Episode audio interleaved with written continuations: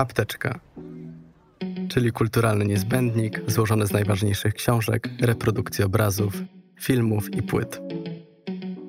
Moich rozmówców i rozmówczynie pytam o to, co przynosi im spokój, napędza do działania i ratuje w momentach kryzysu.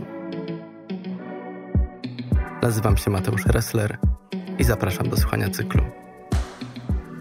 Mateusz Ressler, Tomasz Wasilewski, Na krańcu świata. Czyta Maciej Więckowski. To, co najczęściej przy sobie noszę, ma niewiele wspólnego z kulturą. W kieszeniach trzymam smycze należące do moich trzech psów.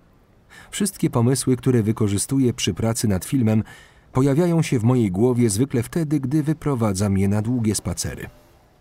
Codzienność dzielę między Warszawę a Gdańsk. Jeśli tylko mam taką możliwość, wsiadam w samochód i jadę na plażę. Zazwyczaj są to stogi, poza sezonem prawie puste.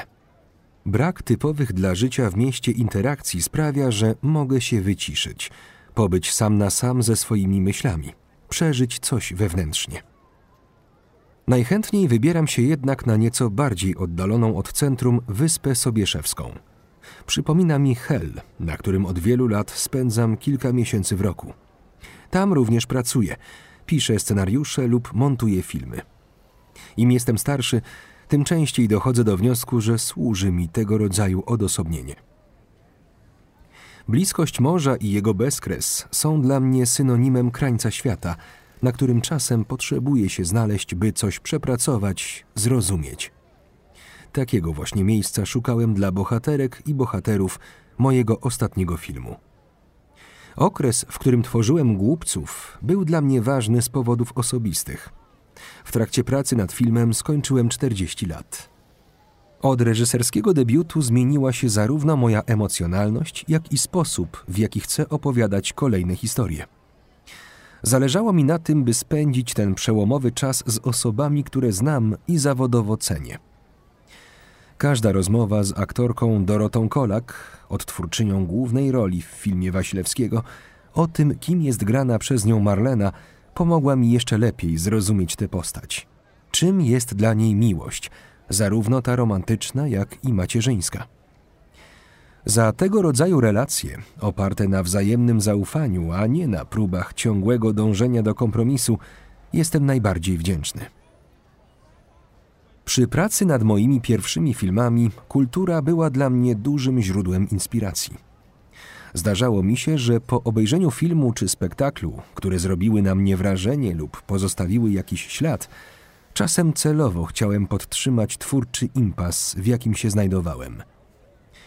Wierzyłem, że silne emocje, jakich doświadczam, skłonią mnie do refleksji i pozwolą jeszcze lepiej przedstawić na ekranie problemy, z którymi mierzą się wykreowane przeze mnie postaci.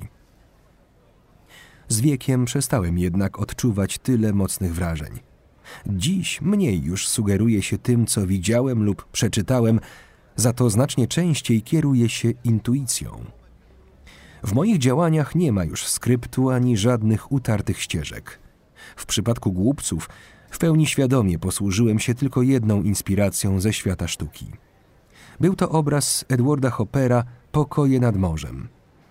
Chciałem, by podobna scena pojawiła się w filmie. Za drzwiami mieszkania Marleny i Tomasza, męża głównej bohaterki, w którego wciela się Łukasz Simlat, nie ma żadnych schodów, suchego gruntu, jest tylko wzburzone morze. I nie do końca wiadomo, jak daleko od domu się znajduje. Woda jest zresztą ważną bohaterką mojego filmu, nie mniej znaczącą od postaci granych przez aktorki i aktorów. Dla Marleny to swego rodzaju czyściec, głos nawołującej przeszłości, lustro dla prawdy. Wszystkie skojarzenia związane z tym żywiołem wykorzystałem, by opowiedzieć historię społecznie nieakceptowalnej relacji w sposób inny od tego, co utożsamiamy z małym realizmem. Chciałem, by była to przypowieść nie tylko o miłości obarczonej wielkim tabu, ale też o sile macierzyństwa i o kobiecie, której wybory życiowe ściągnęły na nią gniew fatum. Pozbawiona jednoznacznego morału, rozgrywająca się na krańcu świata. Rozmawiał Mateusz Ressler. Tekst ukazał się w 60. numerze miesięcznika Pismo, magazyn opinii. Czytał Maciej Więckowski.